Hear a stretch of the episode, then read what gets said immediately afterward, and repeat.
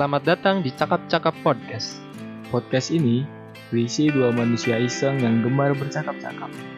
Tempat untuk bercerita, berbagi, serta saling memahami.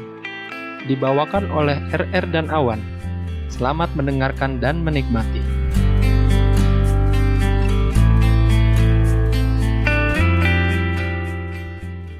Halo semuanya. Hai hai hai. Balik lagi bareng gue RR. Nah, dan gua Awan. Ya, di sini kita udah masuk episode kedua di podcast Cakap-cakap. Ya, Sebelumnya mungkin ini udah jauh ya dari hari raya Idul Fitri atau Lebaran. Cuman dari kita mau ngucapin selamat hari raya Idul Fitri. Mohon maaf lahir dan batin walaupun telat.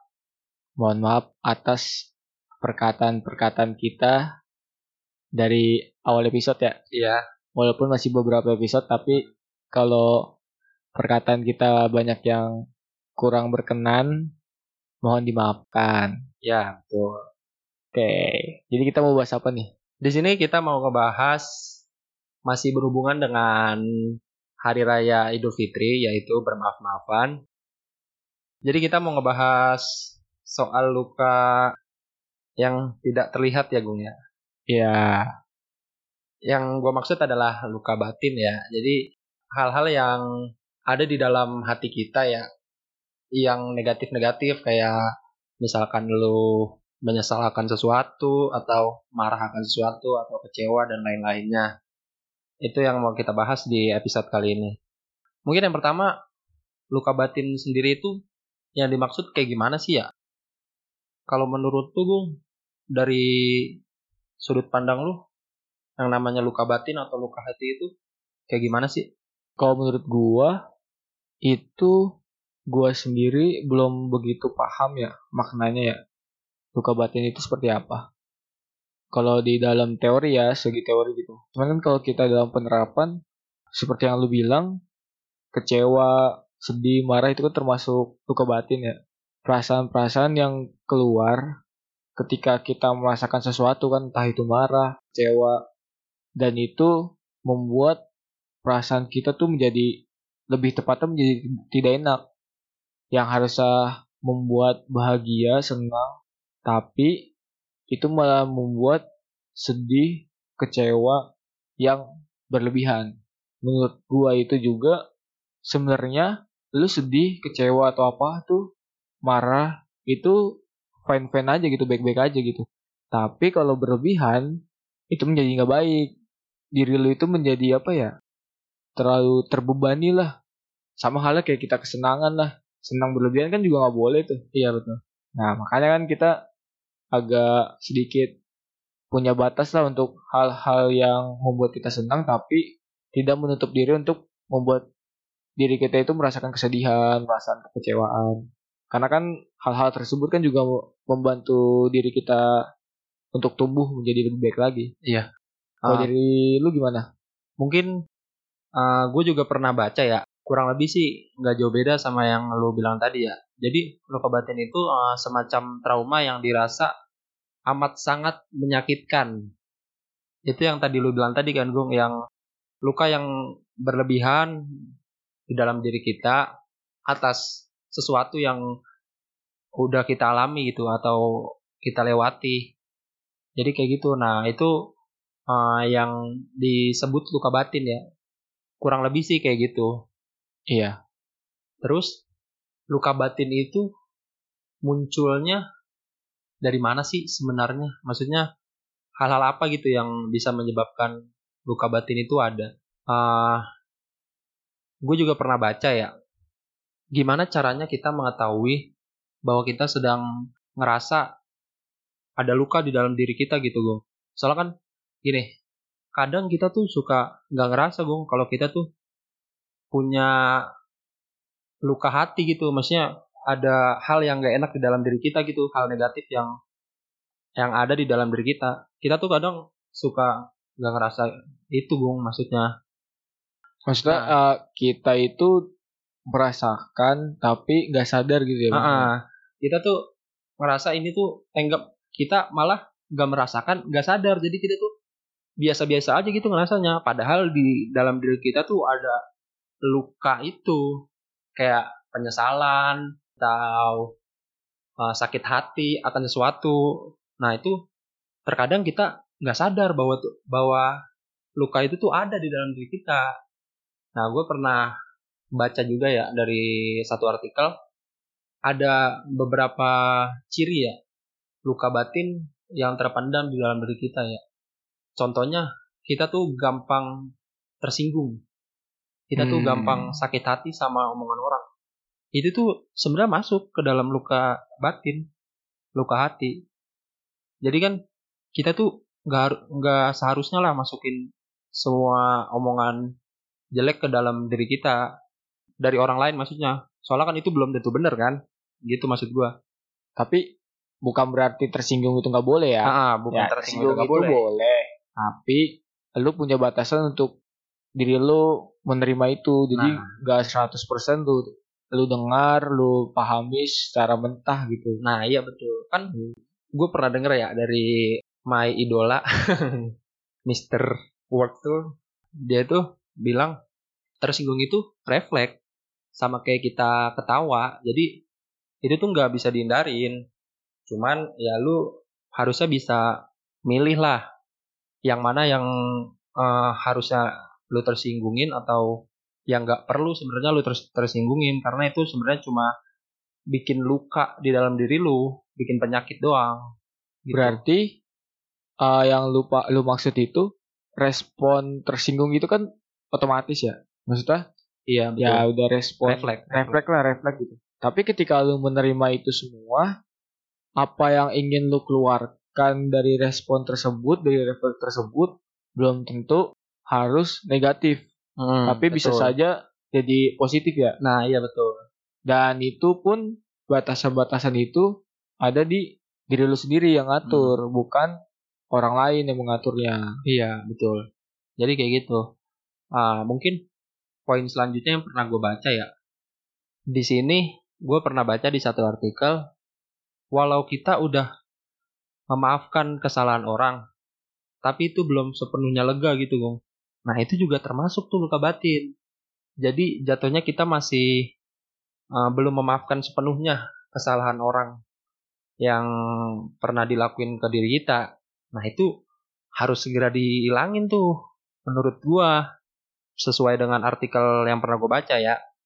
Makanya yang namanya memaafkan tuh emang paling sulit sebenarnya sih emang ya. Bentar, Cuman- bentar.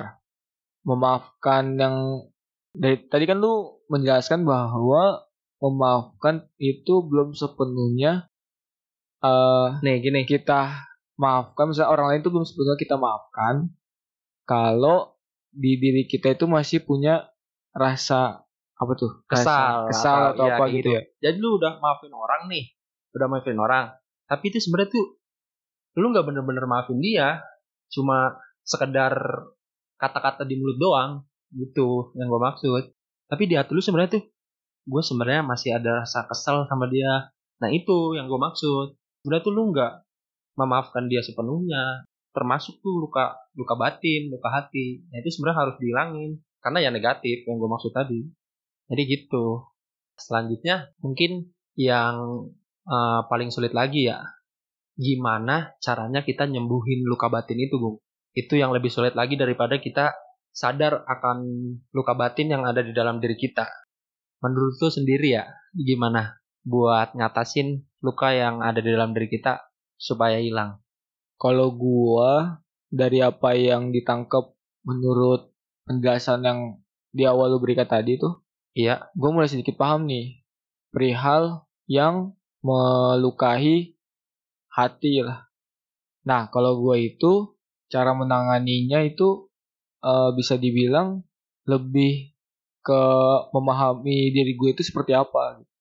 Misalkan yang gue rasakan itu memiliki perasaan-perasaan yang bisa dibilang orang tuh kayak bodoh amatan lah. Mhm. Dibilang ke- kelihatan kayak nggak peduli, i, hampir kelihatan seperti itu, tapi Iya. sebenarnya enggak gitu. Karena ketika gua itu kan lebih lebih ke apa ya? Lebih ke berharap mengharapkan sesuatu kan sebenarnya kayak misalkan kita mengharapkan pengen makan bakso tapi tukang bakso itu tutup. Itu apalagi itu langganan kita kan. Biasanya itu merasa ah masa iya gue harus makan ini sih? Maksudnya beli yang lain tuh kayak tetap terjalani makan yang lain tapi nggak terpuaskan gitu. Nah bagi gue gue sudah merasakan dalam diri gue itu sifat sifat bodoh amatan gitu. Bodoh amatan bukan berarti diri gue itu uh, tidak memikirkan apa-apa yang terjadi gitu. Misalkan gue ulangan gue ujian. Gue itu ketika ujian gue itu punya perasaan untuk tidak merasa sedih ketika nilai gue pas KKM atau di bawahnya. Kenapa? Karena gue tidak begitu mengharapkan nilai tinggi. Karena gue itu merasa ketika gue belajar itu yang gue cari ada ilmunya. Dan ketika gue mendapatkan nilai dari sistemnya seperti itu, itu anggaplah berarti ilmu yang gue dapat hanyalah segitu yeah. bukan ya istilahnya ya, kita dapat nilai 100 nih hmm. tapi kan full open book atau emang uh, orang orang itu hebat bisa seperti itu tapi bagi gue nilai-nilai nilai-nilai yang gue dapat itu adalah apa-apa yang gue terima dari pengajar gue ataupun hmm. yang gue cari gitu eh, makanya gue tidak begitu mengharapkan nilai-nilai yang tinggi jadi kalaupun gue itu salah dan harus mengulang, itu pun tidak apa-apa karena yang gue cari adalah ilmunya gitu. Iya. Atau misalkan nih, kayak sekarang gue posisi kuliah, uh, eh, gue ngerasa ya yang gue dapet ilmunya tuh gak sebanding sama nilai yang gue dapet gitu. Makanya gue ngerasa kesal ketika gue mendapat nilai A tapi ilmunya gak sesuai gitu. Karena bagi gue materi yang diajarkan itu tidak sepenuhnya masuk ke dalam pemikiran gue gitu otak gue gitu jadi ketika gue lulus mendapatkan nilai A B plus atau B itu gue ngerasa patut dipertanyakan gitu diri gue iya ini nilai bukan sepenuhnya atas apa-apa yang gue pelajarin gitu mungkin ya itu emang dosennya emang ngasihnya segitu iya. atau berapa lah jadi hal-hal yang seperti itu aja gue nggak terlalu mengharapkan gitu sama nilai lah atau mau makan apa, mau minum apa gitu. Sama halnya kayak kita berharap ke teman kita lah atau sama manusia lah gitu. Kayak kita pengen kita berteman sama dia, kita mengharapkan dia itu selalu baik, selalu ada dan yang mem, yang hanya mem, memikirkan diri kita tanpa mem, memikirkan diri dia gitu. Di itu pun gue tidak terlalu memikirkan itu. Kayak misalkan gue berteman dengan teman gue yang udah setahun selalu bareng nih. Tapi iya. semenjak yeah. pandemi uh, jadi susah komunikasi, susah kumpul atau apa. Dan itu menjadikan misalkan pemikiran gue menjadi ah dia kayaknya udah nggak udah nggak seneng deh main sama yeah. gue. Ah kayaknya dia udah negatif thinking ya. Nah mungkin negatif thinking ya walaupun menurut gue negatif itu boleh negatif thinking itu boleh tapi jangan terlalu berlebihan jadikan yeah. negatif itu sebagai hal yang perlu dijaga. Cari untuk memperbaiki diri lu lagi. Iya iya benar. Jangan lu negative thinking, uh, kok gue ngerasa begini ya ke temen gue ya. Berarti itu salah satu cara kita merasakan bahwa diri kita itu merasakan luka batin menurut lu. Iya. Nah, itu menjadi salah satu cara gitu menurut gue. Tapi ah tinggal kita menyelesaikannya. Oh diri kita ini mau menganggap teman kita ini seperti apa. Kalau menurut gue, ketika gue pernah merasakan hal seperti itu, yang gue lakuin adalah gue memahami mereka ketika gue ada di posisi mereka gitu. Misalkan apa mereka itu gak komunikasi gue karena sibuk mencari pekerjaan ya, hmm. atau mereka gak komunikasi ke gue atau membantu orang tuanya di rumah, membantu menjaga adiknya atau apa, kan itu kan menjadi salah satu pemikiran bahwa sudut pandang kita dengan sudut pandang dia itu berbeda. Kita melakukan di rumah itu kita hanya belajar serta melakukan aktivitas lain belum tentu aktivitas dia sama dengan aktivitas kita. Makanya agak sulit untuk menyamaratakan satu sama lain. Iya ya, kurang lebih kayak gitulah penjelasan dari gua untuk menanggapi itu. Walaupun gua kayaknya masih ada hal-hal yang pengen gue jelasin tapi gue balikin lagi nih Hmm. daripada gue doang kan nih terisinya nih udah berapa menit nih gue ngejelasin ya gue harus perlu ngejelasin dulu nih ke kalian-kalian kalau itu adalah sudut pandang gue tapi Iya. belum tentu sudut pandang dari RR ini sama sama Hmm. bisa aja berbeda dan mungkin itu bisa menjadi patokan terserah lah mau jadi patokan kalian atau enggak dalam menghadapi ini coba dari lu gimana sebelumnya mungkin uh, kita mau bilang ya kalau ini menurut kita sendiri ya soalnya kan orang-orang punya apa ya punya punya caranya cara sendiri, kan buat ngatasin yang namanya luka batin yang tadi kita maksud itu dan itu pun belum tentu cepat ataupun lama gitu ada Ah. orang yang cepat untuk mengatasi dirinya sendiri dan ada juga Ah. orang yang cukup lama gitu Nah, iya. untuk menang- untuk mengatasi hal-hal seperti ini Iya. gitu Nah, itu yang gue maksud Gong. Jadi belum tentu yang kita pakai nih caranya bisa dipakai juga di orang lain. benar-benar Itu yang gue maksud. Jadi mungkin di kita tuh ngerasa nyaman dengan cara ini. Nah, belum tentu di orang lain bisa dengan cara itu. Nah, nah terus mungkin gue pengen bilang juga ya eh, yang lagi banyak dibicarain eh, soal self healing ini ya, Gung ya. Kan biasa disebut sama orang tuh sekarang-sekarang ini ya anak-anak sosial media tuh biasanya nyebut self healing. Jadi tuh gimana caranya kita ngatasin yang namanya luka batin itu? Kalau yang gue baca tuh self healing tuh lebih ke cara untuk menyembuhkan diri sendiri sih. Ah, dia lebih proses ke penyembuhan proses ya. penyembuhan. Ah, kalau arti harfiahnya itu emang proses penyembuhan diri itu tadi kan yang lu sebut tadi. Ah, atas trauma atau luka batin yang kita alami di masa lalu. Itu yang disebut self healing. Gue sih sebenarnya sih lebih kayak ini gue menerima aja sih gue sih sebenarnya karena kan itu termasuk proses hidup ya. Jadi nggak perlu ada yang ya kalau rasa sesal atau rasa kecewa pasti ada lah ya yang namanya juga orang hidup ya. Cuman ya kalau bisa jangan berlarut-larut lah lu menyesali sesuatu atau kesel sama sesuatu yang udah terjadi. Nah kalau gue sih lebih ke ini gung. Gue lakuin hal-hal yang gue senengin. Ngerti gak gung? Jadi gitu. Jadi supaya gue lupa sama hal-hal yang bikin gue kesal atau gue sebelin gue ngelakuin hal-hal yang gue senengin. Kayak contohnya bisa olahraga atau yang suka lu yang suka nyanyi lu nyanyi atau yang suka traveling lu traveling. Nah itu bisa dijadiin salah satu cara tuh gung uh, buat ngilangin luka batin itu atau yang biasa disebut self healing gue sih paling itu sih kalau gue mungkin ada beberapa referensi cara-cara lain ya. Kayak lu simple maafin orang aja gung. Itu juga termasuk self healing loh. Lu bisa maafin diri sendiri atau maafin orang lain itu bisa cepet nyembuhin luka batin lu. Itu menurut gua hal-hal yang paling simple lah ya. Satu lagi menurut gua tidur ya. Tidur itu penting banget tuh Gung. Apalagi ketika lu mau ngelakuin self healing itu proses penyembuhan luka lu itu tidur itu penting banget menurut gua. Tidur cukup itu penting. Kan minimal tidur 6 jam ya? 6 sampai 8 iya jam 6 kalau sampai nggak 8 salah. jam. Kan minimal 6 baiknya lu 8 jam lah. 9 jam juga mungkin masih bisa ditoleransi. Nah itu penting tuh yang namanya tidur.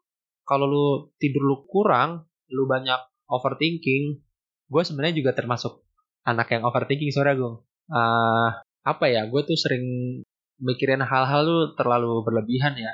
Nah itu sebenarnya termasuk hal-hal negatif juga tuh yang perlu dihilangin yang namanya overthinking. Bikin capek doang. Bikin kita nggak bisa tidur. Bikin nggak fokus. Kalau kita lagi kerja atau ngelakuin hal-hal lain kurang lebih sih kayak gitu sih kalau gua. Sebenarnya banyak cara sih untuk menyembuhkan proses luka batin ini ya. Hmm. Nah, dan yang kita jelaskan pun bukan jelaskan sih ya, yang kita menurut kita ya menurut pandangan Iya, menurut kita pandangan atau yang pernah kita alami yang pernah kita alami dari hal-hal yang pernah kita alami itu caranya seperti itu gitu. Nah, kalau kalian mungkin bisa memanfaatkan cara-cara ini, sok monggo ya dipakai kalaupun enggak juga nggak apa-apa. Karena kan tiap kita tiap manusia tiap hal-hal yang pernah merasakan seperti ini kan belum tentu penyelesaiannya sama gitu. Dan sudut pandang kita pun yang gua alamin RR sama RR ini itu belum tentu sama dengan kalian. Gua aja sama RR itu bisa aja berbeda gitu. Kayak tadi aja menurut kalian tuh berbeda atau sama gitu kan. Gitu. Sama gue mau nambahin ketika RR tadi tuh bilang uh, yang mana R? Yang proses yang menerima itu lu tadi lu ngomong? Iya proses menerima diri sendiri itu yang tadi pertama gua bilang kan. Berarti lebih lebih ke memahami diri lu itu seperti apa gitu. Ah. baik itu kelebihan atau kekurangan. Baik itu kekurangan. Dan proses menerima itu sangat penting bagi gua dan bagi RR ya udah pasti tuh iya. Menerima itu sangat penting untuk diri kita dan orang lain gitu. Sama hal ketika ya kita dalam menerima sesuatu lah. Apa ya? Uh, kayak tadi gue jelasin yang gue pengen makan bakso langganan gue tapi tutup.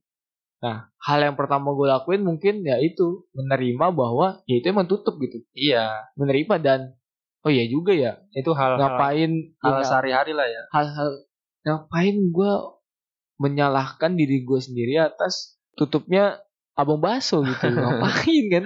Nggak perlu ngapain? banget sebenarnya ya. maksudnya kayak kalau kita pikir itu kayak hal nggak perlu tapi kadang suka tanpa sadar terasa gitu kan. Ya baru gue juga pengen ini.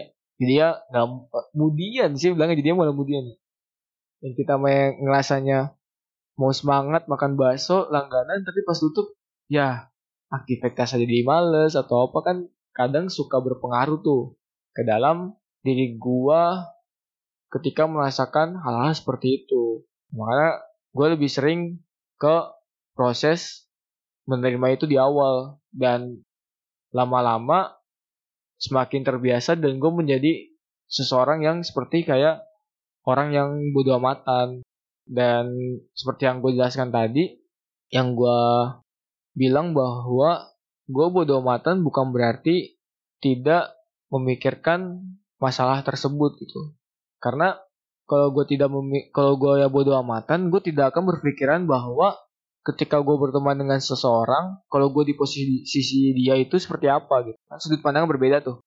Hmm. Tadi kan gue udah menjelaskan kok, kalau temen gue ketika pandemi malah menjadi sulit berkomunikasi, kalau gue sudah menerimanya dan gue sudah memikirkan bahwa di posisi dia itu dia itu sedang sibuk atau sedang melakukan aktivitas yang tidak senormal kita bertemu sehari-hari gitu.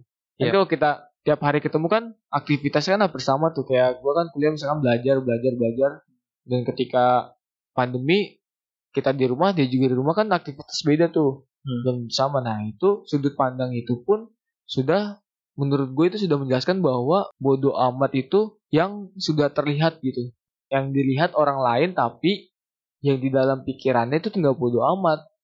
Tapi itu memikirkan, walaupun kadang bagi orang lain tuh hal tersebut sangat kurang, maksudnya kayak kurang punya perasaan lah karena ya bodoh amatan itu. Iya, iya. Ya, ya masa lu ya kita sangkut pautin lah sama ntar kalau kita menjelaskan tentang apa namanya percintaan.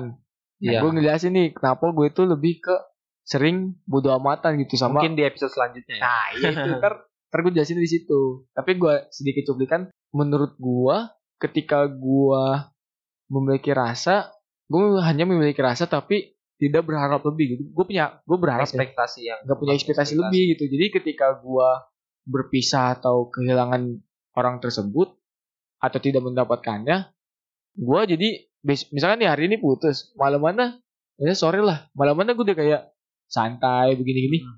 itu kelihatannya mau bodo amat tapi yang gue pikirkan adalah gue hidup masih belum Panjang. belum tahu kapan lah ya. Iya. iya. Tapi tapi belum tentu dia itu selalu ada untuk gue gitu. Maksudnya, maksudnya perpisahan itu pasti. Hmm. Itu udah pasti dong perpisahan. Pasti. Namanya ada pertemuan pasti ada perpisahan. Nah, pertemuan pasti ada perpisahan. Nah, ya, itu betul. makanya kalau kita sudah memahami, kalau gue memahami itu berarti cepat atau lambat gue pasti bakal berpisah dong. Makanya nah, betul ya salah satu itu makanya gue bisa jadi bodo amatan. Ntar kalau kita mau bahas lebih panjang, mungkin ntar suruh RR nih yang buat skripnya lagi. Gampang lah, ntar RR yang ngatur. gue juga sebenarnya pengen cerita tuh soal itu tapi nanti lah. Cepikannya dari gua. Ntar dari hal-hal yang lebih dari itu mengenai percintaan atau mengenai hal lain itu bisa kita buat aja lah episode yang lain lah. Iya. Karena kan self healing itu kan cukup luas ya. iya maksudnya makanya. Maknanya masalah luas, makna iya. makna makna dan masalah masalahnya pun luas bisa ke Luas lah, ya. atau rekan kerja ya dan dan sebagainya. Nah mungkin pesan gue terakhir ya kita kan hidup di dunia digital sekarang ya. Maksudnya kita tuh bisa menjangkau orang dari berbagai macam penjuru ya. Nah yang lagi banyak dibicarain juga kan masalah orang tuh suka mikirin komen ya, komen di sosial media. Nah, itu tuh yang sebenarnya sebaiknya lu hindarin lah komen-komen negatif. Pesan Gak gua sih. maksudnya kalau kalau lu kan menghindar ya. Kalau bagi gue tuh ya lu terima Ah, tapi nah iya. lu olah lagi gitu. Ah, Di pikiran lu itu lu olah seperti apa kadang kan mau tidak mau itu kan pasti masih ah, diterima kan. ya. Karena kan kita ngebaca atau apa tapi respon kita untuk menghadapi itu apakah mau negatif juga atau jadi Hmm. positif gitu. Iya. Nah, yang maksud gua menghindar itu jangan dicari-cari gitu, Gong. Maksudnya kalau kelihatan mah ya udah kita terima gitu ya. Jadi bahan intro- introspeksi diri kita. Cuman ya jangan lu cari-cari juga gitu hal-hal negatif itu. Terkadang orang kayak gitu, Gong. Ada yang pengen tahu orang tuh komen jelek apa sih? Misalnya yang paling simpel lah kayak foto di Instagram atau video atau apa ya. Nah, kalau misalkan kelihatan ya udah nggak apa-apa, tapi kalau lu cari-cari tuh kayaknya tuh apa ya bikin masalah doang jadinya. Apalagi yang komennya tuh bener-bener nyelekit lah gitu ya.